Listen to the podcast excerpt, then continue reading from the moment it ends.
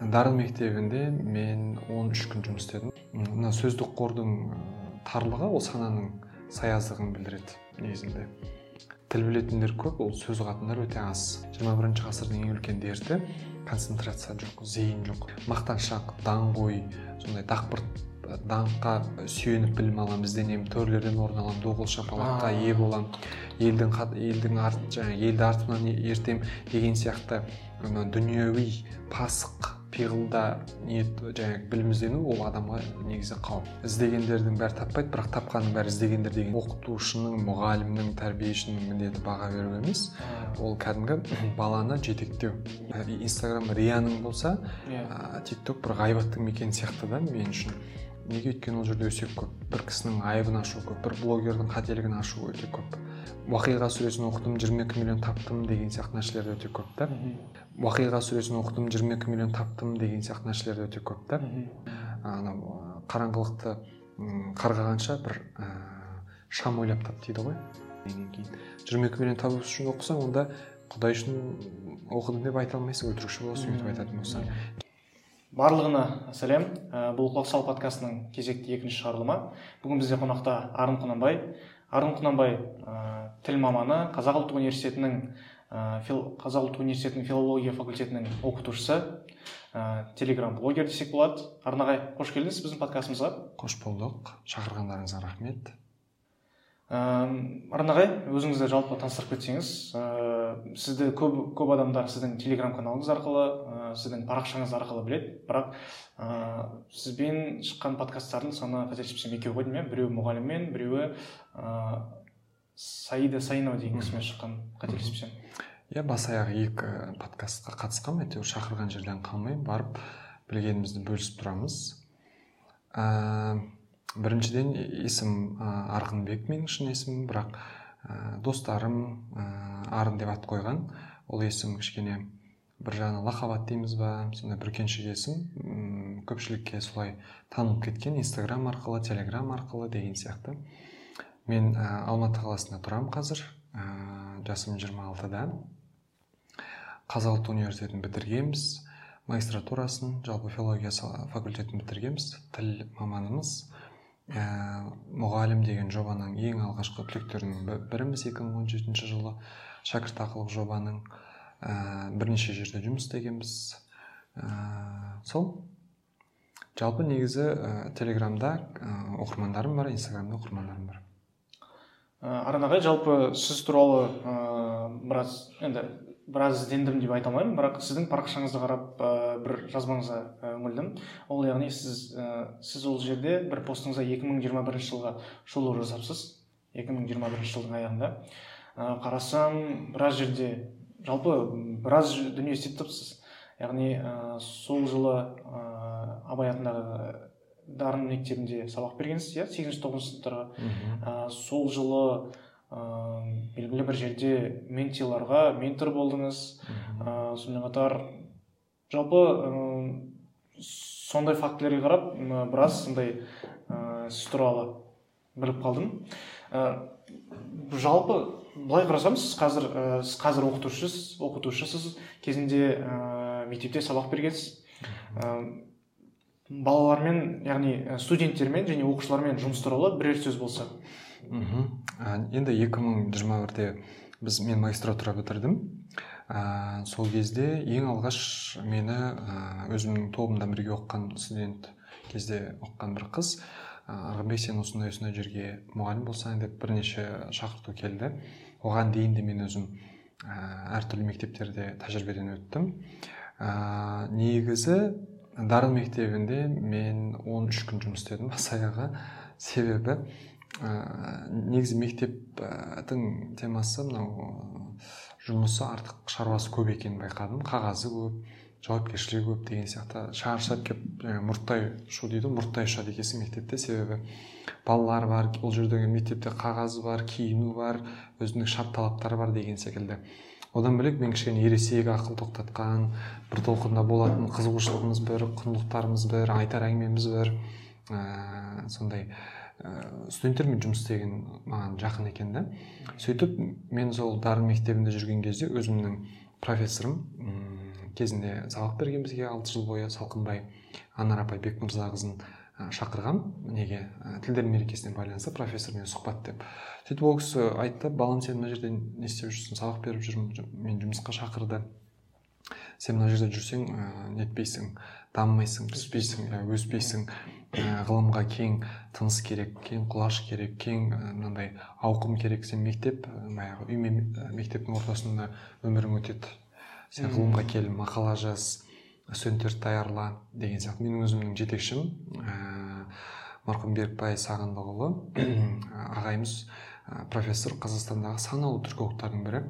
Анау ә, орта ғасыр ескерткіштерін өзі мынау мәскеуден мгу дан ә, атақты әлемге танымал түрколог әмір нәжіптің шәкірті алтын орда ескерткіштерін мысалға ә, дивани ә, хикмет ә, хибатул хақайықты Э, ағайымыз аударған әбжан құршамен бірігіп хибаtul хақайықты өзі кейін транскрипциясын жазып транслитерациясын жалпы ә, бірінші нұсқасын талдап жазып шыққан кісілердің бірі менің ағайым және силабология деген өзі ғылым ашқан. Сол силабология ғылымының теориясы мен практикасы деген диссертацияны маған қорғатты. Ә, сөйтіп мен бір жағынан айтты ағайың жанында бол. Ағайың міне жасы келіп қалды үлкен кісі. Семинар сабақтарын жүргізу керек практикалық ә, сабақтарына қатысу керек ә, дегендей. Және ағайдың білімінен алып қалуымыз керек қой. Өзі ағайым айтатын ол кісі сондай бір ыыы көңілі пәк баладай сондай кісі болатын да. Маған өзі көңілі түсіп жиырма жылда шәкірт ә, іздеп саған ә, кеп тоқтадым. Сен менің бір шәкіртім ол жиырма жыл бойы мен шәкірт таппап едім. Сен осы менің ілімді жалғастырасың түбіртек теориясын аласың дыбыстар тарихын зерттейсің моногенез теориясын жазып шығасың силабология ә, ғылымын қорғайсың монография болады деп айтқан докторлыққа қатысты. Кейін докторлық қорғатамын деді. Сөйтіп ә, мен ағайдың жанында жүрдім біраз тәлім алдым. Шүкір. Ә, кейін не болды бізде? Ә, ағайдың практикалық сабақтарын жүргіздім мен шыны керек. Ә, басында қиын болды енді. Кейін дәрістерінде оқи бастадық. Ә, мысалға ә, мынау ә, университеттің бір жеңіл жері ә, қатып қалған бір не жоқ график жоқ. Графикті саған сізге икемдеп береді. Ә, ал мектепте сіз жаңағы алты күн ба бес күн ба қатарынан баруыңыз керек болады да. Университетте мен мысалға сабаққа аптасына бір екі рет па бір рет қана барамын дәрісімді оқимын семинарымды жүргіземін одан кейін қайтып кетемін. Қосымша тағы да айта салайын мен елбасы медалі деген жобада ментор болғанмын ә, ктфтің ә, ктф ол кезде бұл жобаны басшылыққа алған ішкі ктф ол қазіргі білім инновация қоры иә білім инновация қоры ғой деймін қателеспесем сол кезде ктф болған әйтеуір сол кезде мен ментор болдым. Ол жерде де біраз балалармен ә, жұмыс істедік бірге. Медаль берілді күміс қола алтын деген секілді. Одан кейін дарын онлайнда сабақ бердім. Мынау жетінші сыныптың ғой деймін қателеспесем. Орыс сыныбына қазақ тілінің тоқсан сабағын мен өзім түсіріп видео сабақ дайындағанмын одан кейін бірнеше кітапқа редактор болдым. Ә, жалпы мәтін өңдеу жағы тіл жағынан сөздіктердің шығаруына қатыстым. Ә, ағылшынша балаларға арналған ә, кітаптардың аудармасын жасадық біз бірге. Әйгерім ә, исатаева мен бірге сөйтіп кітаптар шығарғанбыз. Мария қонжық сериясын бес алты кітап шықты. Қазір қателеспесем меломан дүкендер желісінде әлі күнге дейін сатылады. Сондай енді бірлі жарым бір іс жасаған кішігірім жұмысымыз бар. Яғни біз қазіргі арын ағайымызды біз тіл тіл тіл мамандығымен және де тіл ғылымымен байланыстыра аламыз. Оқытушылықпен тіл маманымен жалпы ағартушылық жол ғой біздікі енді. Білім ағартушылық жол десек дұрыс болатын сияқты. Education дейді ғой үйрету үйрену деген нәрсе. Ә, жақсы. Негізі ә, бүгінгі біздің арнағаймен ортақ таңдап алған тақырыбымыз кітап болатын. Ә, кітап жайлы арнағай өзіңіз бастап берсеңіз. Енді кітап жайлы елдің бәрі айтатын нәрсе абайдың сөзінен бастайды ғой. Артық білім кітапта ерінбей оқып көруге дейді иә. Артық білім шынымен кітапта. Кітап адамның ең сабырлы ұстазы. Кітап ол кәдімгі ментор десе де болады. Мысалға бір кісі кітап жазатын болса оның үш жылдық он жылдық отыз жылдық қырық жылдық кейбіреулердің жиырма бес жылдық білімі тәжірибесі сол кітапқа түседі. Яғни ол адамның ә, сонша жыл бойы жинаған тәжірибесін сіз бір екі сағатта бір аптада қабылдап ә, меңгеріп аласыз. Біріншіден бұл уақыт жағынан да білім жағынан да ә, адамға көмек кітап. Сосын кітап оқитын адамдардың жалпы байқасаңыз эмпатиясы мықты болады. Адамдардың сезімін түсінуі қабылдауы ә, жалпы ә, көркем әдебиет оқыған әсіресе классикалық еңбектерді оқыған кісілердің сонша диалогты қорытындылайды соншама образдармен танысады иә. Олардың алдында қаншама образдар жүйесі болады олардың астарында не жатыр диалогтың астарында не жатыр енді не болады деген сияқты өмірінде мынандай әртүрлі қым қиғаш ситуацияларға дайындайды негізі ә, көркем әдебиет иә. Енді осы орайда ә, торонто университетінің ғалымдары әдеби шығармаларды әсіресе мынау ә, романдарды ә, прозаны құныға зерттеп кәдімгі шұқшиып оқыған адамдардың ә, несін білімін ә, эмоциялық интеллектісін тек қана салалық мынау ғылыми қасаң қағидаларға сүйеніп жазылған ә, кітаптар мен сусындайтын бір сыңар жақ пікірдегі оқырмандармен ә, салыстырады. Нонфикшн деп айтамыз ғой енді. Сөйтіп ғылыми кітапты көп оқыған меңгерген кісілердің мынау ситуациядан шешім табу жолы адамдармен тіл табысу олардың сезімдерін не дұрыс жауап беру көңілін табу тіл табысу жағы кішкене төмендеу екенін аңғарады. Әдеби кітапты көп оқыған ә, кісілерден қарағанда. Сондықтан ә, яғни студенттер мысалы ғылым жолындағы кісілер немесе жалпы көзқарақты оқырман өмірде кейбір түйткілдерден тиісті шешімді оңтайлы бағанағы бағытты дұрыс таңдау үшін де кейбір ә, нелерді классикалық көркем әдебиетті оқып тұру керек екен. Сезім жағынан адамның сезімін былайша айтқанда байытатын нәрсе десек те болады.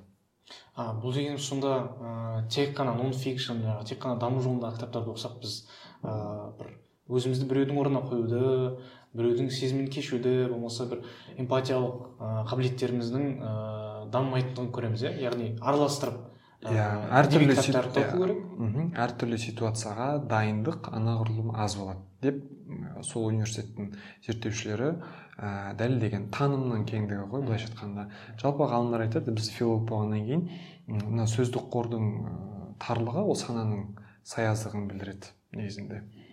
Ә, сөздік қордың, қордың кеңдігі адамның шын мәнісінде саны мынау таным жүйесі мен санасының ә, сондай байлығын көрсететін нәрсе негізінде.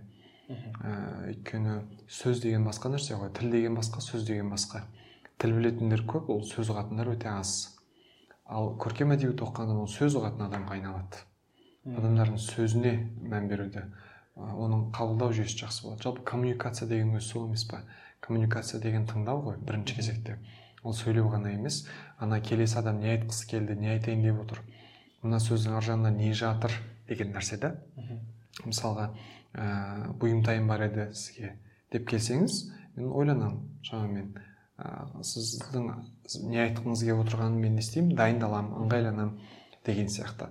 Өтініш айту бұйымтай айту қолқа салу деген даяғашшы деген кітапта ұларбек нұрғалымның жазылады сол жерде де. Шын мәнісінде мынау сананың кеңдігін апарып сөздің байлығына тірейді. Сөздік қордың байлығы ол адамның кәдімгі күнделікті тұрмыс тіршілігіне өміріне ә, едәуір әсер, ететін нәрсе.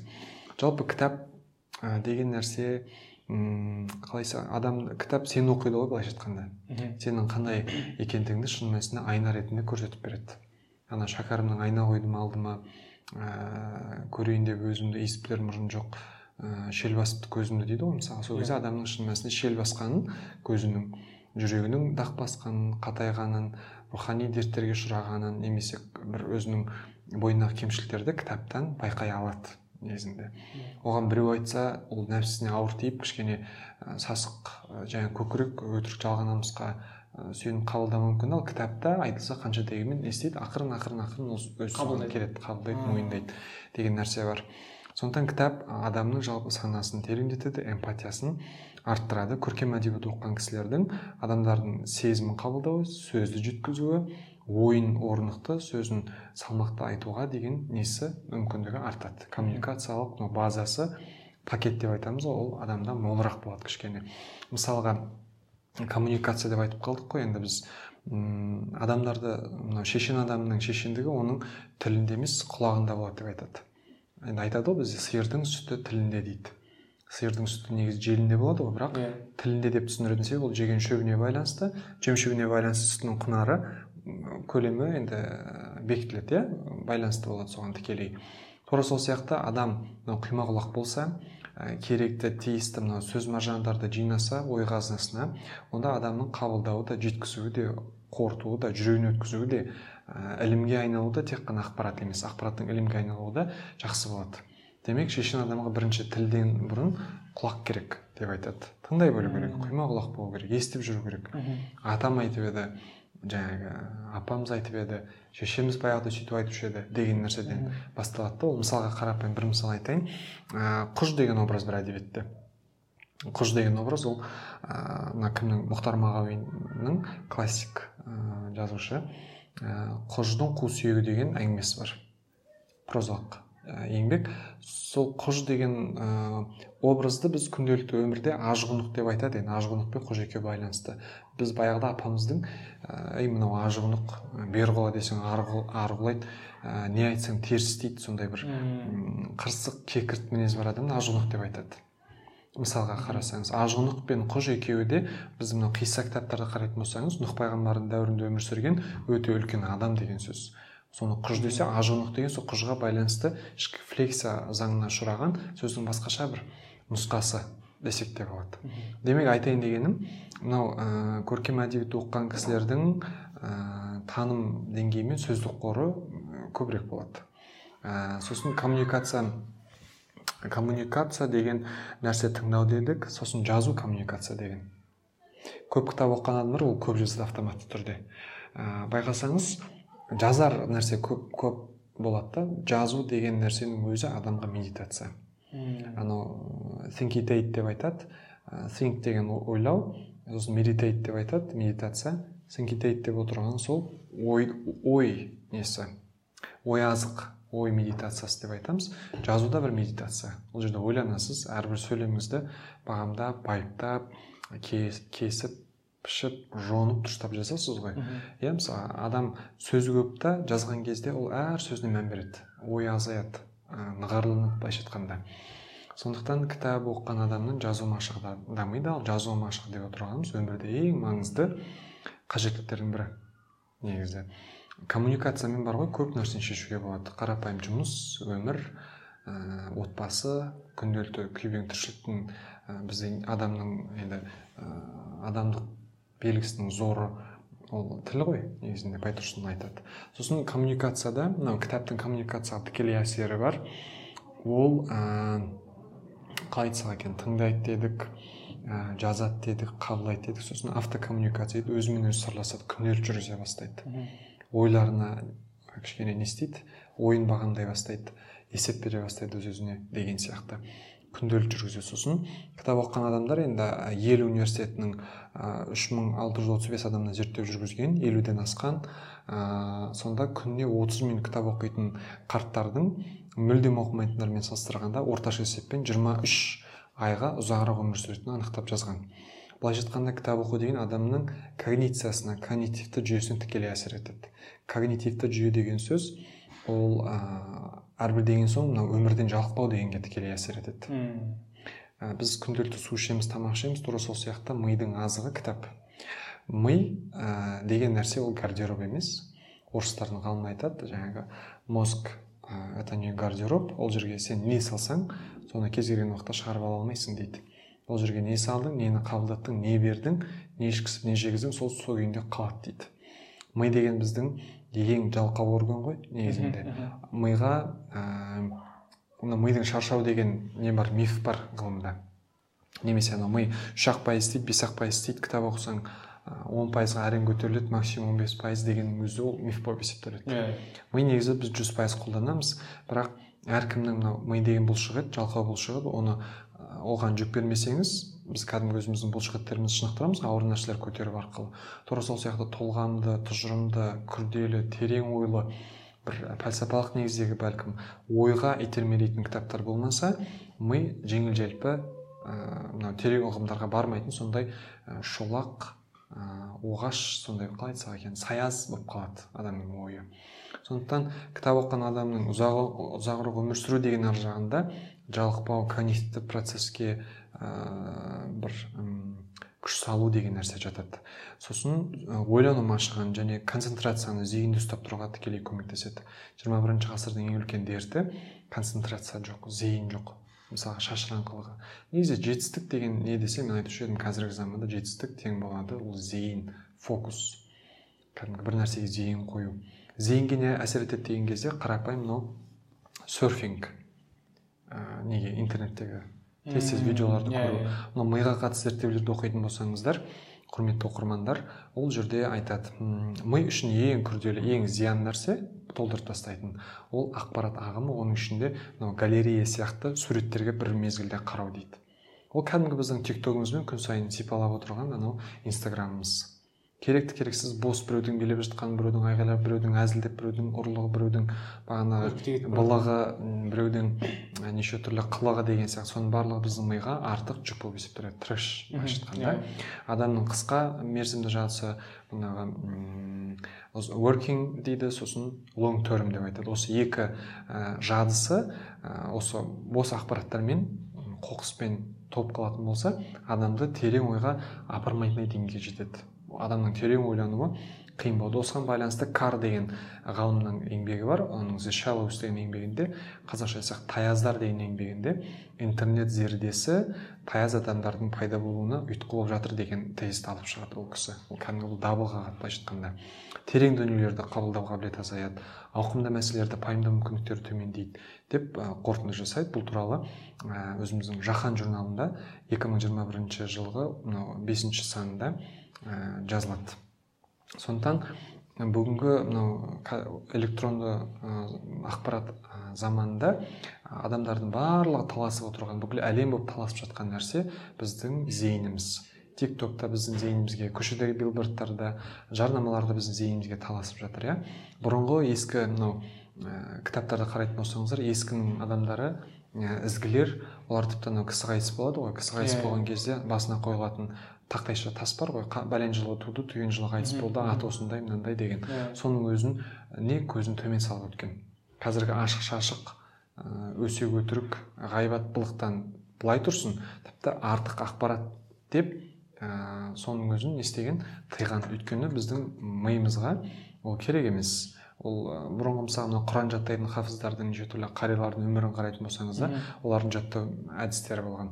Ерте жатқан көзін харамнан зинадан ә, жаңағы анайы ә, видео суреттерді неше түрлі бағанағы мынау бейнелерден тыйған деген сияқты. Ол біздің зейінімізге тікелей әсер етеді. Тағы да әсіресе енді осы сіздің құлақ сал неңізді подкастыңызды студенттер тыңдайтын шығар. Иә. таңғы асты тастама дейді қазақта таңғы ас тәңірден дейді иә. Таңғы асты тастап тәрк етіп үйден аш құрсақ шығатын студенттердің де сабаққа деген зейіні нашар болады. Негізі фокус қоя алмай отырады. Иә, иә. иә мысалға. Сондықтан ә, жалпы ә, жылына ә, кем дегенде елу кітап оқуға болады. Егер фокус қойса ә, ал фокус қайдан келеді деген кезде осындай күрделі еңбектерден материалдардан мақалалардан кітаптардан келеді. Негізі кітап оқу дегеніміз бұл мидың қатпарларын өте терең қорғайды. Мысалға толстойдың тургеневтің чеховтың жаңағы кімнің ә, мапассанның ә, мағауиннің кекілбаевтың отарбаевтың мысалы шығармаларын оқысаңыз ол жерде сіз образдар жүйесін оның астарындағы мінез құлық деген нәрсені меңгересіз. Мгм. Қарапайым иә. Мысалға рахымжан отарбаевтың сіздер әңгімесін оқысаңыздар ол жердегі мынау образдар жүйесіне терең үңілу арқылы адамдық мынау адамның бойындағы ә, жаман мінездер мен жақсы мінездерді саралап шығасыз.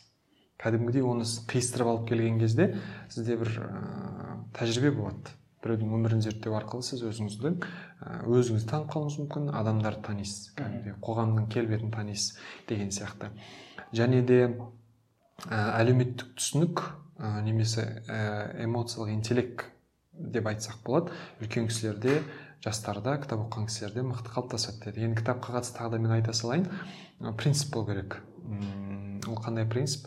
Жалпы білімде ізденісте зерттеуде адам өзінің өзінен жоғары тұрған кісілерге қарау керек. Өзінен көбірек оқыған өзінен көбірек түйген көбірек нәрсе жазған кісілерге қарау керек. Сол кезде адамның нәпсісі енді эгосы тәкаппарлығы оянып кетпейді. Өйткені ең қауіпті эго ол осы білімнен болатын эго негізінде.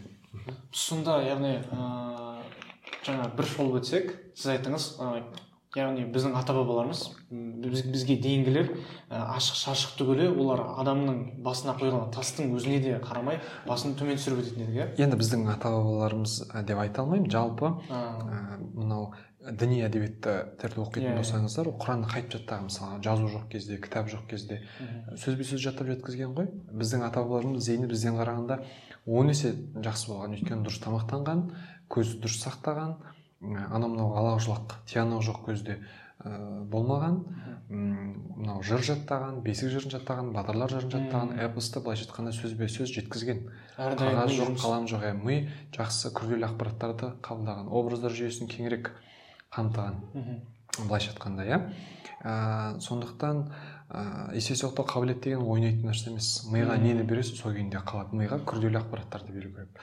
Күрделі музыкалық шығармалар күрделі теориялар күрделі зерттеулер күрделі пікір ә, күрделі сөздер соған сәйкес. Мхм. Ә, сіз қазір көркем әдебиет туралы қозғадыңыз ғой Ә, мен көркем әдебиетті оқуды осы екі мың жиырма үшінші жылдың жартысынан бастадым ғой деймін. Ә, яғни қаржау қаржаубай омарұлының әке деген кітабынан бастадым одан кейін ары қарай келді. Соңғы мен оқып бітірейін деп жатқан шығармам көшпенділер болатын. Ыыы ондай көшпенділер жалпы өзі трилогия ғой. Ыыы алтын а жоқ алмас қылыш ә, жанталас сосын ә, соңғысы қаһар. Қаһар. Мә мен енді қалай айтсам болады анау басында өзім жаңағы қағаз кітап форматында оқып бастадым. Содан кейін ә, бір кезде анау ортасына жеткен кезде ә, жанталасқа келген кезде бір ыыы ана көркем әдебиеттен сәл жалыға бастадым. Бірақ енді қазір сіз айтқаннан кейін ә, мен былай қарап жатырмын. Сіз жаңағы кейіпкерлердің рөліне кіресіз. Кейіпкерлердің жаңағы ыыы кейіпкерлердің сезімін кешіп көресіз деген сияқты. Ыыы жақсы. Сосын осындай нәрсе ыыы мен тағы да бір кітапқа қатысты айта салайын жақсы жақсы. Келесі тақырыпқа мен айтарым көп негізі кітапқа қатысты. Ә, жалпы м, түпсіз мынау интернет деген веб әлем жалпы түпсіз сол кәдімгі адамды шыңырау десе де болады. Бір қарасаңыз ол миыңыз алданып соған ә, үйреніп отырып қаласыз. Жалпы мидың есте сақтау қабілеті ә, жалпы мидың өзінің қабылдауы өте жалқау орган болғандықтан адам күн сайын нені істей береді сол нәрсені ми не істейді оңайлатып қояды. Сол нейрондық байланысты сол нәрсеге қайта қайта шақырып отырады. Мысалға айтайық ыыы сіз егер күн сайын таңертең тұрып интернет ашатын болсаңыз гуглға кіретін болсаңыз немесе дайректтегі хабарламаларды оқитын болсаңыз инстаграмнан сізді күн сайын сол нәрсеге дағдыландыр- дағдыландырады шақырады. Иә. Яғни ми нені істе, көбірек істетесіз немен азықтандырасыз сол нәрсені сұрай береді сұрай береді сұрай береді. Сондықтан жалпы ыыы мына николас кар деген кісінің кітабын мен оқуды ұсынамын біздің оқырмандарымызға. Иә сол кітапты оқып ыыы қарап шықсаңыздар сол жерде айтады интернеттің берері қанша болса алары да сонша деп айтады. Интернетте ә, тез қысқа ақпараттар неше түрлі жаңағы бөлшек бөлшек болып қабылдайтын сияқты қазіргі адамдарда мына терең ойға бара алмайды дейді. Терең ойға ба- бара алмайды дейді. Енді анау орыстарда сөз бар можно родиться моцартом но никогда им не стать деп. Тура сол сияқты әркіміміз бір бір эйнштейн бір бір моцарт болған болуымыз мүмкін туылған кезде. Бірақ сол кітап оқытпай мынау таным көкжиегін кеңейтпей біз өз өзімізге қиянат жасап жүрген болуымыз мүмкін мүмкін да. Сондықтан кітапқа келген кезде білімге келген кезде дамуға келген кезде адам өзінен жоғары кісілерге көбірек қарау керек. Үлкен ғалымдарға үлкен ұстаздарға үлкен зерттеушілерге ірі ірі парасатты тұлғаларға зиялыларға көбірек қарау керек та. Ал адам өзі тәкаппарлық деген сезімді эгоны осы ә, көкіректі нам пісіретін нәрсе осы кітап негізінде білім. Қалай? Егер дұрыс қолданбасаңыз әрине.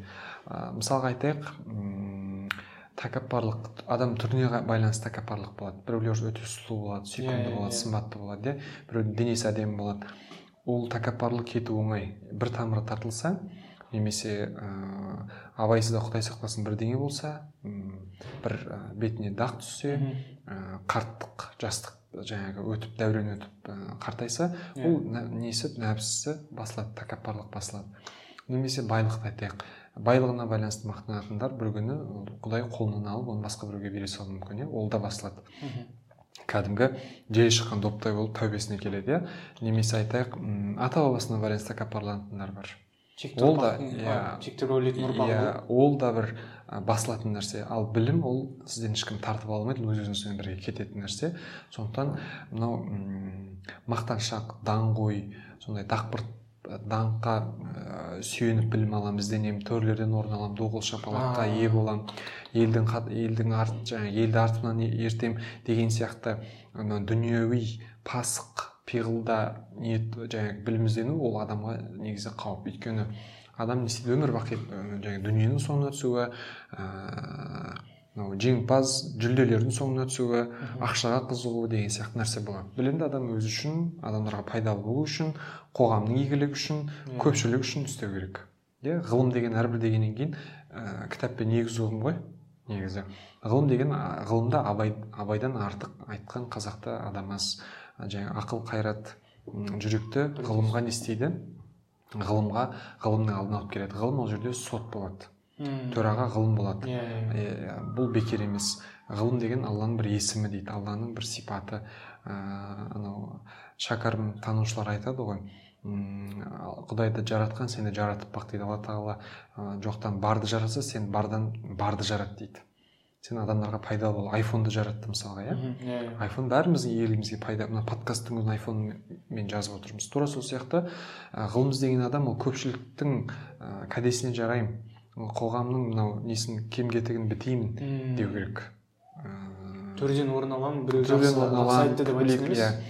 Десін дерті дейді ғой десін дертіне иә. шалдықпау керек.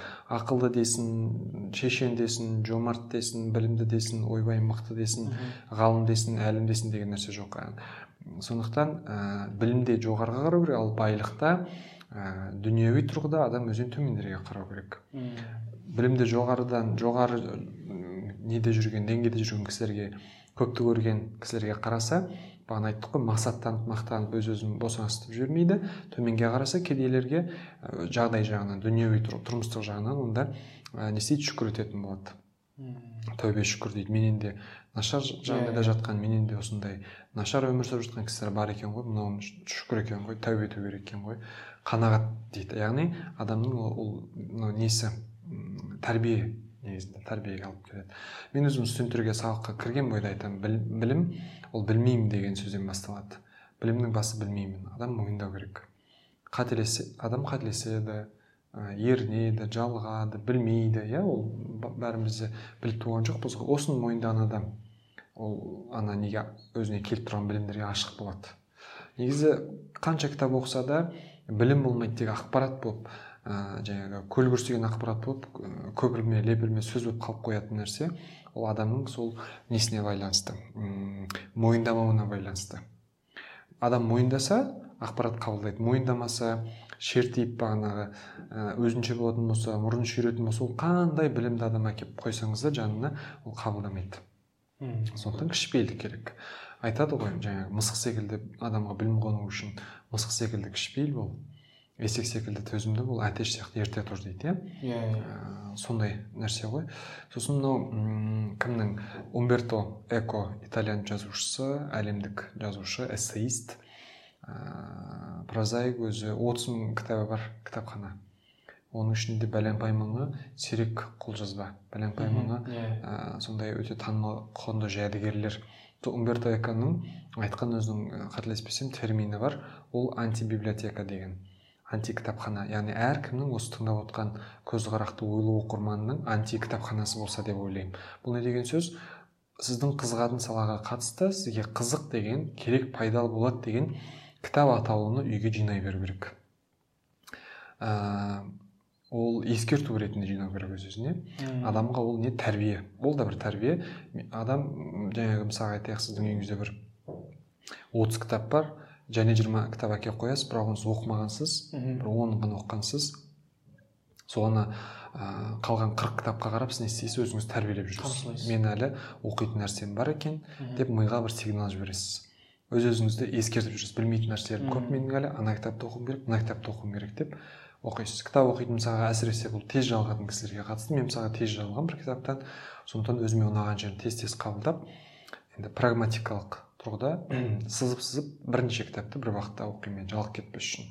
Төрт кітапты бір уақытта оқып жүремін деген сияқты. Мысалға жатар кезде кемінде екі кітапты ақтарып шығамын. Жай ғана дегенде иә?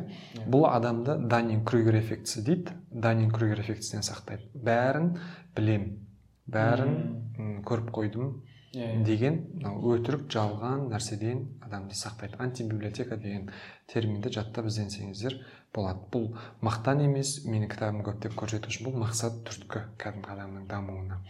Осы нерсе сосын энди жетістікке жеткен кісілердің барлығы ол кітап оқыған кісілер негізі.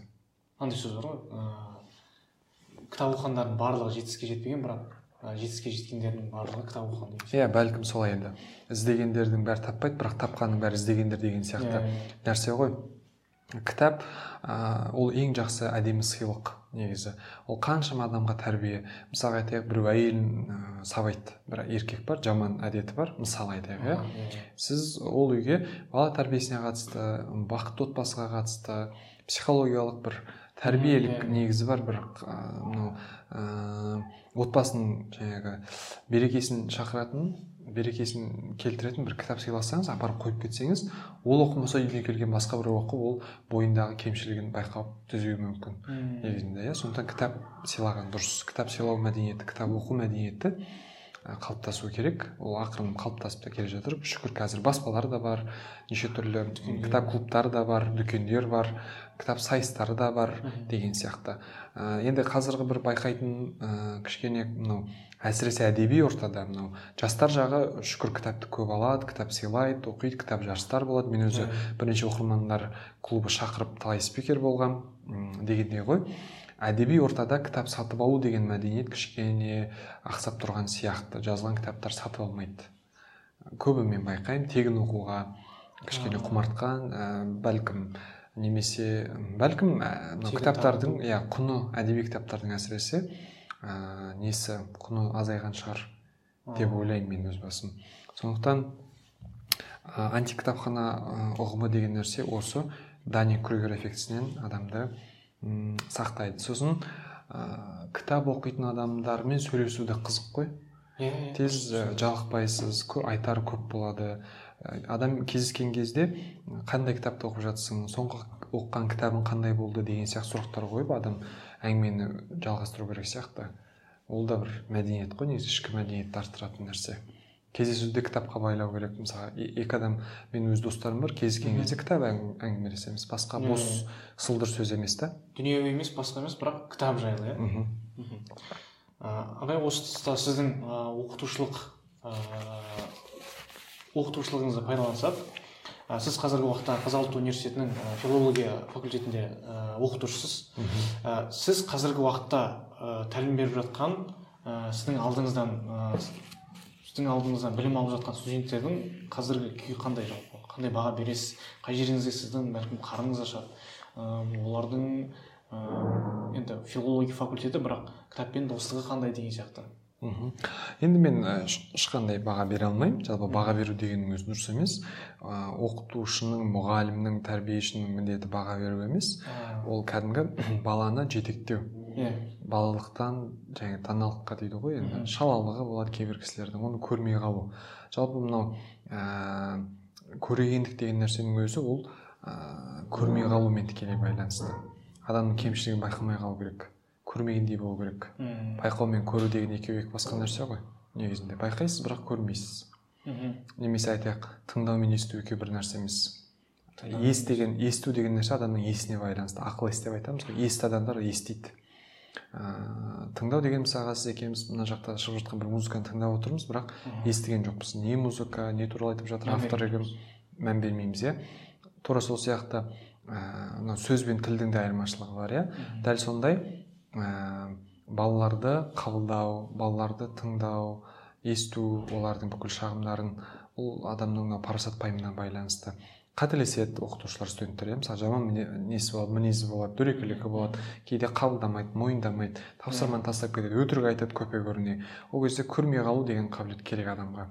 Мысалы кішкентай бала сіздің а деп жазып берсеңіз сізге б деп алып келеді он рет алып келуі мүмкін. Сіз оны бірден ұрысып меселін қайтарып жаңағы жерден алып жерге салып ренжіп бұлқан бұлқан болмайсыз ғой? А о бәрекелді жақсы жа- а деп жазыпсың тағы да б деп жазып кел деп жазып бересіз деген сияқты иә мысалға. Көрмей қалу деген нәрсе адамның көрегендігі. Енді қазақта оны қайтып айтады бір үйге барсаң не дейді дейді бір көзің соқыр бір құлағың жаңағы керең тілің мылқау болып кірсін мылқау болып шықсын дейді. Біреудің үйінде болып жатқан өсекті былықты ыдысын жуылмай қалған дастархан кірлі кеткен жаңағы баласының шолжаңдығын тәртіпсіздігін айтпа дейді сыртқа тасыма дейді. Кемшілігін көрмей қал дейді. Әсіресе енелерге байланысты айтады иә. Келін басында не істейді? Қателеседі жатырқайды жатсынады көрмей қалу көрегендік таныт көрегендік деген нәрсе осы көрмей қалумен байланысты. Көрген нәрсенің бәрін айта берсең бетіне баса берсең ескерте берсең адамның түртпектеп мазасын аласың. Ол да жаман нәрсе сондықтан иә қадірін қашады сондықтан мен балаларға қатысты мен үндемей өзім ә, кішігірім бір парасат дейміз ба көрегендік дейміз ба үлкендердің танытқан соны жалғастырсам деген ұстаным менікі. Кейде байқалмай қалғандай болады. Кейде түсіндіремін былай шығып мысалға. Балалар сабақта мысалға бос әңгіме айтатындар кейбір ә, жаңағы сылдыр сөз айтатындар бос сөз бөстек әңгімеге жаңағы кіріп кеткен балалар болады. Немесе Э, орусча сүйлөп жанагы неше түрлүү мына желідегі ғайбат өсек бір болмай калган ырду дырду неше түрлүү әңгімелерді айтатындар э. болот. Әсіресе жігіттер жаңағы біреулер енді сыра ішеді темекі шегеді ондай студенттер студенттерде бар ғой енді жоқ емес біреулер болады режимі дұрыс емес бұзылып кеткен біреулер э. болады жігітімен ұрысып кеткен ііі енді болмаса тіпті енді болмаса ыыы қалай айтсақ екен мын өмірден түңіліп сондай депрессияның түбіне тұңғиық уайымға батып жүрген адамдар болады акырын акырын әңгімеге тартып сырласып сөйлесіп мен өзім барынша адамдын жанына үңілуге тырысамын сабак деген ол тек қана мысалғы морфология деген сабак. Мен өзүм осы убакка дейін он төрт түрлі сабактан бердим. Он төрт түрлү семинар он төрт түрлү дәріс окудум жүргүздүм. Э, Биздин максатыбыз мисалы казак тилинин морфологиясы болсо ол зат эсим дегенибиз кимне деген сұраққа жооп берет э, деген сөз табы деген айтып кетип калуу эмес кой негизинде ар жагында ол не болот курал болот морфология деген ол мақсат емес ол тек қана құрал. Морфологияны құрал етіп сіз не істейсіз? Мектепте зат есім деген тақырыпты сіз әдеп мысалға жаңағы асан мен үсейін деген әңгімелердің негізінде сіз не істейсіз? Зат есімді үйретіп ә, аласыз. Yeah. Иә. асан деген кім үсен деген кім? Екеуі бір сұраққа жауап берді бұл зат есім дейсіз. Зат есімді ғана емес асан мен үсеннің адамгершілігін әңгіменің негізгі мынау өзегін мәтіннің мәнін зат есімді құрал қылып түсіндіресіз. Мақсат бұл жерде зат есім емес. Тура сол сияқты физикада да сондай. Оның ар жағында адамдық деген ішкі мәдениет деген тәрбие деген әдеп деген нәрселер жатады.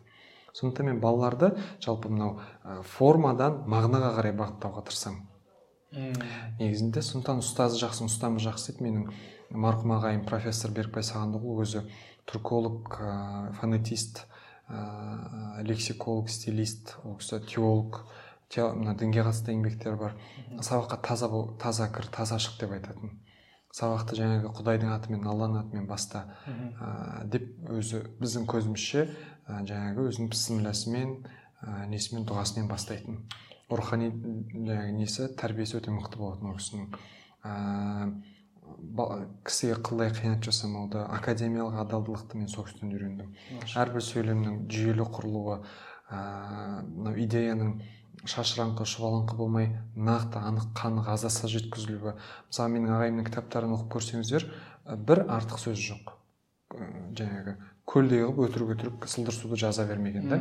Осы ешкімнен ұрламай анық өзі нақты жүйелі жазатын мықты стилист болған кісі дегендей ғой. Сол жалпы өзіңіз жақсы болсаңыз балалар сіздің айнаңыз ғана ғой олар. Сізге айна болады ол мысалға біреу бағынбай жатыр ма біреу ә, жаңағы тапсырманы орындамай жатыр ма біреу кешігіп келіп жатыр ма біреу түсінбей жатыр ма біреу сізге қарсы шығып жатыр ма мынауыңыз ұнамайды деп жатыр ма?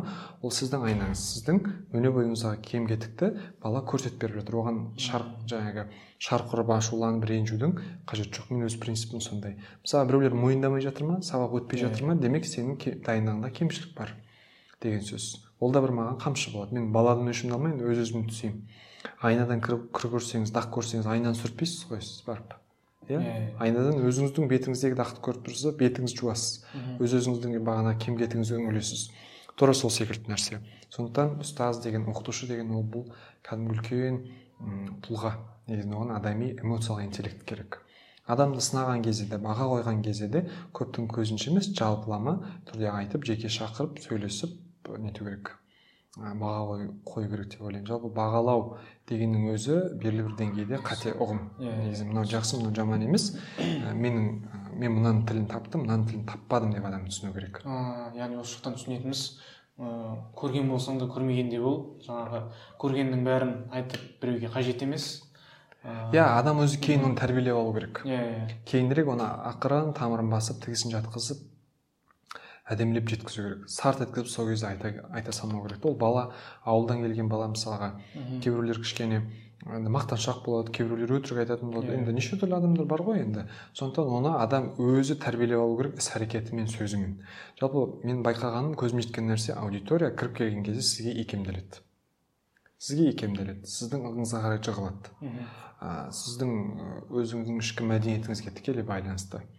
Өзіңіз кешікпейтін өзіңіз өтірік айтпайтын өзіңіз бұра тартпайтын өзіңіз адал терең ізденетін нақты сөйлейтін адам болсаңыз бала да сізге қарай ұмтылады да. Бала да сізге қарай сізге ұқсағысы келеді ашылады негізінде иә.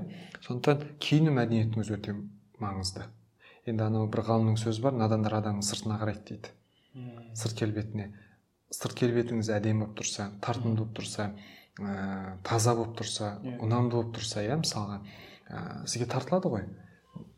Білмейтіндер надандар енді надандар деген сөз енді қатты айтылған сөз бірақ ә, білмейтін кісілер ә, сізге жақындаса сіз оның жүрегіне бір даналықтың дәнін егетін болсаңыз ә, ілімнің іліммен сусындататын болсаңыз жақсы бір бағыт бағдар берсеңіз кейін оны не істейсіз? Ішін іштегі кірін тазалап аласыз да.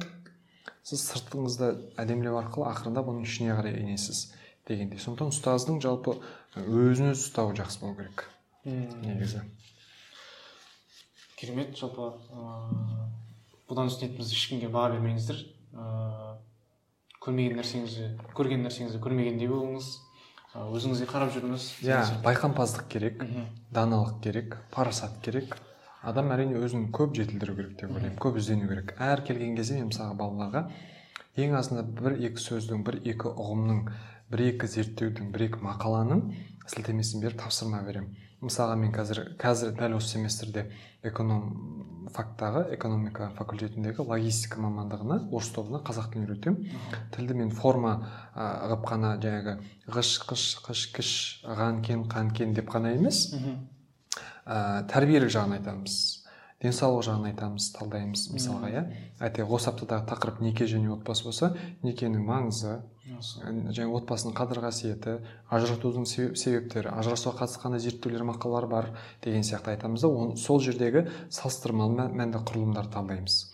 Немесе айтайық қазақтың зергерлік өнері оның ар жағындағы мәні мынау әрбір сақиналардың несі бар?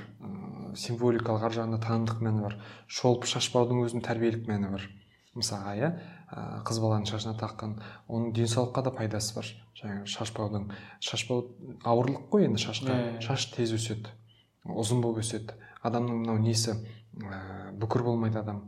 Өзінің еңсесін тік ұстайды ә, қатты секеңдеп те кетпейді. Ә, жаңағы шашбау шолып сылдырлап келе жатқан кезде ер адамдар бір жаққа қарай ығысады жол береді. Былай қарай өзі жеке кетеді ә, тыйылады. Көп нәрседен өзін былай алып қашады. Оның бәрі тәрбие ғой. Иә. Оның бәрі мәдениет қой негізінде. Сол жағын мен түсін- түсіндіруге тырысамын. Немесе құс тұмсық деген жүзік бар. Өткен аптада біз зергерлік бұйымдарға қатысты тақырып өттік енді. Оларға жеңілдетіп құс тұмсықтың мәні қандай? Оны қыздар жаңағы мына тұрмыс құрмаған қыздар таққан. Құс тұмсығы бар жүзік жүзігі бар жаңағы қызды көрген кезде кез келген ер азамат жаңағы ә, неткен. Қарап соған қыздың жағдайын білген әлеуметтік статусын білген деген сияқты құс тұмсығы үйге қайтқан кезде ол қызым жақсы жерге барды оны жақсы қабылдапты жағдай жақсы екен ә, қайын жұрт дұрыс екен ә, деген сияқты. Ә, өз жұрты дұрыс қабылдапты дегенде бір символ оның ар жағында мән болады. күмістің ар жағында тәрбиелік мән болады. Бұрынғы біздің ата бабамыз мынау ыыы қолында күміс білезігі болмаса оны ас бөлмеге қазан ошақтың басында кірістірмеген. Таза күмістің тазарту деген несі бар? Иә иә. Былай ішкі мәні бар. Дегенде ғой яғни айтайын дегенім қасан қағидаларды тасыр тақыртқыл жаңағы теорияларды айта бергеннен гөрі танымдық мәдениет жағын түсіндіремін мен өз Иә. басым. Сабаққа келген кезде иә. Өйткені тіл деген ол таныммен тікелей байланысты. Тіл ол кәдімгі таным екеуі егіз ұғым негізінде. Дегендей ғой. Ә, солай. Сосын мысалға қазір балалар студенттер мынау тәтті мынау газдалған тәтті сусындарға өте қатты құмар. Сабаққа аш құрсақ аш келеді да ә, бутерброд жаңағы гамбургер неше түрлі ә, сэндвичтер мен енді жейді да ол адамның ішек жолына асқазанына ойлауына өміріне бәріне әсер етеді ғой. Сондықтан қарапайым пайдалы мынау азық түлікке қатысты сабақтарда қазақ тілін үйреткен кезде әсіресе. Дұрыс тамақтанудың несі пайдасы. Ә, газдалған сусындардың зияны ұйқының режимі қаншада жатып қаншада тұру керек? Оның жұмыстың өнімділігіне әсері деген сияқты танымдық тақырыптарды беру арқылы мен сол ә, мынау мәтінінен мысалға ә, жаңағы қарама қарсылықты мәнді ә, сөйлемдерді тауып кел сұраулы сөйлемдерді тауып кел бұйрық сөйлемдерді тауып кел деген сияқты немесе шартты мән сөйлемдерді тауып кел деп грамматикалық жағында лексикамен қосып беруге тырысамын. Айтайын дегенім мақсат ә, айналып келген кезде ол ә, таным тәрбие болу керек сабақта иә құрт теория емес. Иә. Оны бірдеңемен байланыстыру оны жаңағы жақсы жақтарын ашып ә, зияндары қандай деген сияқты. Мхм. ә, арнағай біз өз яғни подкастымыздың келесі бөлім- бөліміне өтсек. Ә, жаңа біз әлеуметтік желілер әлеуметтік желідегі серфинг туралы сөйлестік.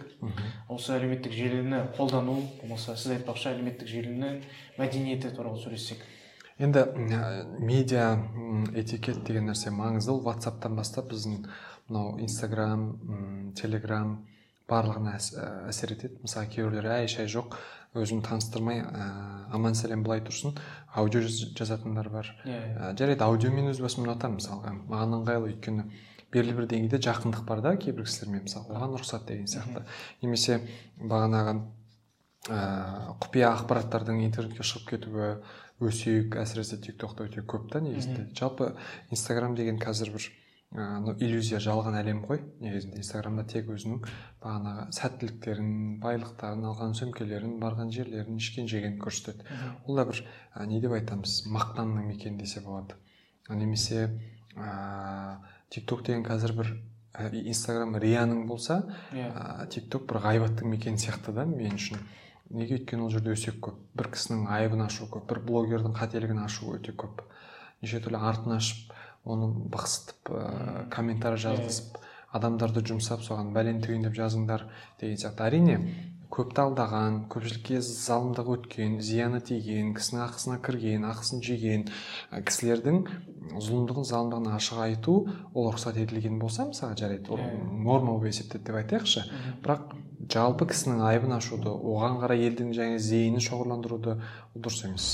Мысалы біреудің төбелескені ә, бәрі бір үйге жиналып бағанағы ә, шоу жасағаны ә, мақтанғаны жаға жыртысқаны деген сияқты нәрселер ол керек емес артық нәрселер да Иә. менің ойымша. Сондықтан тик токтағы трендтерді айтатын болсақ мысалға қазір азғындық көп. Тікелей эфирлерде неше түрлі лапыт сөздерді айтуы анай әңгімелерді айтуы болмай қалған әңгімелермен бағана бір бірімен жарысуы мына жақта иә мынау мына жақта біреулер ғылыммен айналысып жатыр. Мгм. ә, мысалы қарапайым айтайық. Бұрындары адамның асқазан ішек жолына операция жасау өте қиын болатын ішін жару керек болатын. Кейін үлкен ғалымдар не істеді? Мынандай ә, ізде- іргелі ізде- ізденістердің зейін зерттеулердің арқасында кішкентай камераны жұтқызатындай бір Иә, реттік соны деңгей технология ойлап тапты. Жақсы емес пе? Жақсы. Мысалы қаншама адамның игілігіне жарап жатыр да мысалға. Ал бізде енді білмеймін тик ток деген адамның санасын толтырады бағанағы есте сақтау қабілетін нашарлатады терең ойдан алыстатады өмірден жалықтырады. Тез оңай дофамин алуды көбейтеді. Адамға цифрлық аутизм деп айтады кәдімгі адам ауыра бастайды. Бос әңгіме Иә. бос әзіл. Бос әзіл біреудің билеп жатқаны біреудің неше түрлі бағана пранк деген нәрсе бар. Одан кейін қазіргі мынау неше түрлі хит әндер бар сол әндерді қойып билеу деген бар. Ә, мазақ көбірек кішкене ол жерде адам намысына тиетін нәрселер көбірек иә. Сосын әсіресе ә, бағана рия деп айтып қалдым. Жаңағы уақиға сүресін оқыдым 22 миллион таптым деген сияқты нәрселер өте көп та. мен калай беш күн бою там окуя сүрөсүн окудум. Э. Э, бир апта кырк күн бою тақажудке турдум. Одон кийин бүйтіп кеттим байып кеттим сөйтіп кеттим. Деген дүниеи максатта. Кудай үчүн алла үчүн риясыз істейтін ықыласпен істейтін ғибадаттарды дүние максатты көздөп иштөө ол белең алган. Енді дин деген ол кимдин жекеси ғой ар бир дегенден э. кийин иә? Оны жария этип ол жасаган қабыл болған амалдарды кабыл болду енді болду ма болмады ма ол да кудай гана билет ар бир дегенден кийин да мисалга ғибадат деген нәрсе бар ғубудият деген нәрсе бар. Ә, соны шатыстырып алып жатыр да оны ізденіп зерттеп оқыса ол кәдімгі мәні ашылады. Сыртқы формамен айтып отырмын ғой сыртқы пішінге адам таңылып қалмау керек. Уақиға сүресін ә, та, оқыдым 22 миллион таптым дегенмен көріп қалдым енді жарайды. Айтайық уақиға сүресін ә, ол сол үшін оқу ол дұрыс емес қой. Ол екі жүзділік қой риякерлік қой әрбір дегеннен кейін. 22 миллион табу үшін оқысаң онда құдай үшін оқыдым деп айта алмайсың өтірікші боласың өйтіп айтатын болсаң. жарайды уақиға сүресін оқыпсың окей қабыл болып тұрған жақсы 22 миллион алыпсың бірақ оның өзін айту ол әдепсіздік болып есептеледі негізінде жасыру керек адам өзін қабыл болған дұғасын ықыласты адам шынайы адам ол дінді сыртқы формаға байламайды бір екі ритуалдарға айналдырмайды. Үш жасырады. Жақсы амалдарын ыыы ықыласты адам күнәсіз секілді жасыра білу керек. Адам жасаған жақсы амалдарын күнәсіз секілді жасыра алмаса онда мына пейілінде ішкі ниетінде сәл сәл ақаулықтар мәселе бар деген сөз негізінде. Жақсы жарайды жиырма екі миллион таппасаң уақиға сүресін оқымаушы ма едің мысалға. Деген нәрсе болады да оқымай тәрк кетіп кету ол да екі жүзділік емес па? Иә пайда болса оқ пайда болмаса оқымау деген ол айналып келген кезде сол ниеттің әлсіздігі. Оқы құран оқы әрине өте жақсы нәрсе. Иә, алланың иә. сөзі біздің енді ә, қасиетті кітабымыз мойындаймыз. Бірақ оны бүйтип жибердим сүйтүп жибердим деген нерсенин ар жагында форма формализм буквализм жатат. Мисалга мына дубаны окуйсуң саған кайра жар жолугат мына дубаны окуйсуң байып кетесиң. Мына дубаны окуйсуң мына нерсени істейсің деген сыяктуу ар жагында амал аракет еңбек деген нерсе көмескіленіп көлеңкеде калып коет. Канчама еңбек канчама тырышуу канчама ізденіс деген нәрсе жатады ғой. Иә ол кезде байлық қайда қалады тағдыр мәселесі қайда қалады еңбек мәселесі қайда қалады ол да сұрақ болып қалады да егер мен осы нәрсені оқитын болсам бүйтіп байып кететін болсам деген әңгіме шығады ертең сондықтан мынау риядан жасандылықтан барынша сақ болу керек ол жерде. Әрине жақсы нәрсе енді ниеті дұрыс шығар ол кісіні жазғырмаймыз жерге сан ұрмаймыз бірақ дегенмен енді абай болатын нәрсе да тик токтағы қазіргі трендтердің бірі сол ғой. Иә негізінде. Сосын ә, тик токта драматизация деген нәрсе өте көп. Драма куиндер тик токта көп лайк жинайды. Ә, бір нәрсесін мен бүйттім сөйттім ке- өзінде осындай болды осындай болды анау мынандай болды. Иә. сосын жасанды мынау ә, сөйлескендерді ватсаптан скрин жасап салу деген нәрсе бар. Мысалы келіні енесін боқтағаны оған көбірек жаңағы адам енді көп қой енді ондайлар. Сөйтіп лайк жинап жатқандар бар. Оның барлығын ойлану керек жалпы не үшін жинап жатырмын? Иә. Не керек маған? Кейбіреулер машинесін мақтанады кейбіреулер биін мақтанады кейбіреулер ә, неше түрлі бағана тікелей эфирлерін өзін өзі салады дегендей. Оның барлығы әркімнің өз еркі болғанымен адамның мәдениетін санасын бос уақытын құртып жатыр. Зиян бар. Уақыт деген бір нығмет мысалға. Иә? Көз деген бір нығмет. Көз кірлейді сана ластанады ол жерден. Сондықтан мықты контенттерді тик токта көбейту керек менің ойымша. Анау қараңғылықты қарғағанша бір ә, шам ойлап тап дейді ғой. Сондықтан Иә. қараңғылықты қарғағаннан пайда жоқ шам ойлап табу керек. Тик токта кітапқа қатысты мәдениетке қатысты білмеймін бір кәсіпке байланысты. Жақсы мен қолдаймын. Тик токтан кәсібін дөңгелетіп отырған шаруасын жүргізіп отырған кітабын сатып жатқан ә, дүкен жүргізіп жатқан кісілерге ешқандай әңгімем жоқ. Мхм. Олардың істеріне береке тілеймін бірақ жалпы білу керек жастар 13-14 жастағылар оны аңдып көріп отыр қазір кітап оқымайтын тақтық ұрпақ деп мен өзім қойғам. Тик ток емес тақтық ұрпақ.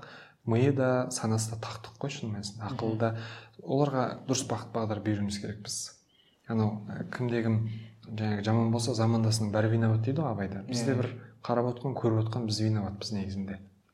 Осы тұста бір мәселені ашып өттіңіз. Енді соның ә, біз қазір ә, шешу жолдарын болмаса біздің қолымыздан келетін бір ә, әрекеттерді атап өтсеңіз ә, яғни қалай осы мәселемен біз күресе аламыз? Енді ә, жақсылықты көбейту керек. Жамандық бағанағы зұлымдық ә, әдепсіздік тәртіпсіздік ә, деген нәрсе емес. Жақсылықты көбейту керек. Жақсы жақсы контенттер шығару керек. Көбірек мықты мықты кісілер сөйлету керек. Ә, жалпы үлес қосу керек. Сосын сосын мынандай мәселе өз ісінің маманы сөйлеу керек иә? Иә өз ісін маман Мысалы, сөйлеген дұрыс иә. қазір ыыы көп адамдар жаңа сіз айтқандай уақиға сүресі дейді. Одан кейін ыыы дін тұрғысынан көп адамдар сөйлейді бірақ өз ісінің маманы ыыы сөйлемесе бұл өте үлкен бір адасуларға болмаса бір ыыы қайшылықтарға алып келуі мүмкін. Сол үшін ә, мысалы дін маманы ол дін ол яғни дін бойынша сөйлеу керек. Ал сенің мысалы діннен хабарың жоқ болмаса сенің бір бір екі кітап оқып алғансың болмаса бір ыыы бір екі курс өтіп алғансың бірақ діннің атынан сөйлеп тұрсың бұл ыыы үлкен бір зардаптарға алып келуі мүмкін. Иә әсіресе енді жастар ғой олардың ниеті түзу шығар бірақ иә, иә. жалпы жастар ана үкім беру бүйтіп жіберу ақыл үйрету деген нәрсе. Білгенді бөлісу деген бір басқа әңгіме ақыл ақыл айту деген бір басқа әңгіме негізінде. Мм. соны ажыратып алу керек. Өмірді былай істеңдер былай істеңдер деген ә, ол енді қанша дегенмен ар жағындағы пиғылына да байланысты ғой. Ақша жинау оқырман жинау мысалы мақсатында болуы да мүмкін лайк жинау мақсатында болуы мүмкін деген сияқты. Әйтеуір бағанағы азғындықтан қарағанда неше түрлі ұят тіпті құлаққа төбедей тиетін жаңағы танымға томпақ келетін әңгімелерден қарағанда әйтеуір жөні түзу ғой олардың өзі. Әр нәрсенің өз функциясы бар. Әр нәрсені өз функциясына дұрыс сай қолдану керек. Ол да сол нығметтің бізге берілген шүкір болып есептеледі. Жалпы тик токты тіпті өшіріп тастасаңыз да не емес. Қарсы қарсы емеспін өйткені адам шынымен миы тазарады ә, дофамин деген гормон бар ғой білесіздер енді а, соны шектеу шектеп тұру керек шектегенде қалай ә, мынау сіздің миыңызда дофамин бөлетін нәрселерді азайту керек әйтпесе адам шұңқырға түсіп кетеді сол шұңқырға түсіп кетіп соның ішіне батып бір қараса он сағат отырған тик токта бір қараса жеті сағат отырған бір қараса аптада он тоғыз сағат жиырма сағат отырған кісілер бар дегендей ғой. Жиырма сағат кітап оқыса зерттеумен айналысса адамдарға көмектессе далаға шықса әке шешесінің жанында болса сырласса сөйлессе бір жұмыс істесе әйтеуір пайда ғой Иә, ертең иә. өміріне сондықтан мынау азғындықтан сақтану керек. Ә, яғни біздің подкастымыздың ә, жалпы уақытта біздің подкастымыздың ә, подкастымызда со- өз мәресіне жетуде ә, соңғы блиц сұрақ. Ә, қазақ ұлттық университеті немесе сду деп қойсам ә, жақсы. Ә, яғни мынандай сұрақ қойсам. Ә, әр адам оқу керек. Бұл яғни жасына жасына жасына жасы және ә, істеп жатқан жұмысына байланысты емес. Әр адам оқу керек. Үш кітап қандай? Сіз ұсынатын. Әр адам оқу керек. Үш кітап дейсіз ба енді мен қатты бір көп кітап оқыдым деп айта алмаймын. Бірақ маған ә, шәкәрімнің қазақ айнасы деген кітабы ұнайды енді атамұра баспасынан солай шыққан. Шәкәрім өлеңдерін оқу керек. Мен жетінші сыныпта шәкәрім оқуларына қатысқанмын Мхм. сол жерде мына терең ұғымдарды ыыы өзі менің кішігірім коуч коучым шәкәрім деп айтамын мен өзім. Мысалға қарапайым киінуге қатысты қалай киінуге қатысты абай мен шәкәрімде екі ақыл бар. Абай айтады 15 бесінші қара сөз қателеспесем ә, өз ә, дүниесінен артық киінбектік ә, ол масқаралық кербездік деп айтады. Мысалға қарапайым өз дүниесінен артық киін деген сөз айлығың мысалға айтайық сексен мың теңге сен барасың қырық мың пальтосын аласың. Не керек ол саған? Деген сияқты. Мм. сондай өз дүниесін дүниесінен артық киінбектік артық жақсы атанбақтық дейді ғой енді. Иә, иә. кербездік кер, кердең адамнан без деп түсіндіремін дейді абай соны. Қаш без керден без дейді да кербез адамдарды. Немесе шәкәрімде де бар бағанағы ә, аса сәнді киініп қуыршақ болма сәкәку дейді мысалға. Қуыршақ болма деп отыр да жасандылық болмасын сенде деген оның барлығы әсер етеді негізінде. Немесе шәкәрімде анау ә, айтады мініңді тапсаң кім сынап аяғына бар жығыл дейді мысалға. А маған біреу мен Иә. менің бір түзеу керек тұстарымды айтып тұр. Мен барып ыыы, мен бір жақындасуым керек жақын толығырақ сұрауым керек деген сияқты өзімшіл бір езу сондай қырсық адам болма дейді. Мм. мініңді тауып тұрса барып аяғына жығыл дейді рахмет айт дейді сен. Неменеге онымен жауласасың? Жақсы нәрсе ғой Иә, негізінде иә. Сондықтан шәкәрімді оқыса деймін. Ыыы оқырмандар жасына ыыы қарамай оқыса болады түсінеді иә. Шәкәрімдағы шын идеясын шәкәрімнің жар феноменін түсінігін шәкәрімдағы мынау анық үш анықты адам түсінсе өміріне азық болады негізінде екі дүниесіне біріншісі екіншісі ә, мазмұн деген кітапты ұсынамын. Ермек есқожа ағамыздың менің мынау дүниетаным әсер еткен маған ұнады ол кітап. Иә иә. Ермек есқожа мазмұн үшіншісі ә, үшіншісі қалай айтсам екен? Филолог ретінде айтайыншы. Иә. Маған ә, рәбиға сыздықтың сөздер сөйлейді деген еңбегі ұнайды өзіме. Мм. жақсы кітап. Көп сөздің мәні айтылған ол жерде. Ә, тілтанушыларға филология саласына қызығушылық енді мен бүгін тілтанушы ретінде келіп отырғандықтан рәбиға сыздықтың осы еңбегін айтуым керек подкастымызды ә, жаппай айтайын. Арнағайдан ә, жастарға ә, арнағайдың іні қарындастарына айтатын ә, кішігірім бір ә, жолдауы ақыл кеңесі. Ә, және сонымен тәмамдасақ ә, мен егер айтам тағы да диссертация қорға десем мен талап ә, деген концептін қорғап шығушы едім. Талап ә, абайдың бес асылысының басында тұр. Талап еңбек терең ой қанағат рахым ойлап қой. Абай бекерден бекер бес асылыстың басына талапты қоймайды. Иә мысалға терең ой деп қойса да болар еді иә неге талапты қойды өйткені кез келген нәрсе ізденістен басталады қайталап айтамыз іздегенін бәрі таппауы мүмкін бірақ тапқанның бәрі іздеген адам шындықты да ақиқатты да ғылымды да ә, дүниені де мынау ә, іздеу керек ә, талаптану керек. Ә, шындықты ақиқатты іздесе ә, дұрыстықты іздесе мәдениетті іздесе ол табады. Ә, сондықтан талаптың мініп тұлпарын тас қияға өрледің дейді мысалға иә немесе қазақта айтады талап терген нұр жауар дейді. Бар ғой сондай сөз. Иә. нұр деген ол көп аспектілі концепт құдайдың нұры деп айтады. Әртүрлі ғой алланың нұры талаптыға жауады сондықтан ізденуден жалықпаңыздар үйрене беріңіздер үйренуді де үйреніңіздер. Анау үйретуді қылма намыс үйренуге болма кер дейді шәкәрім атамыз. Сондықтан талаптана беріңіздер.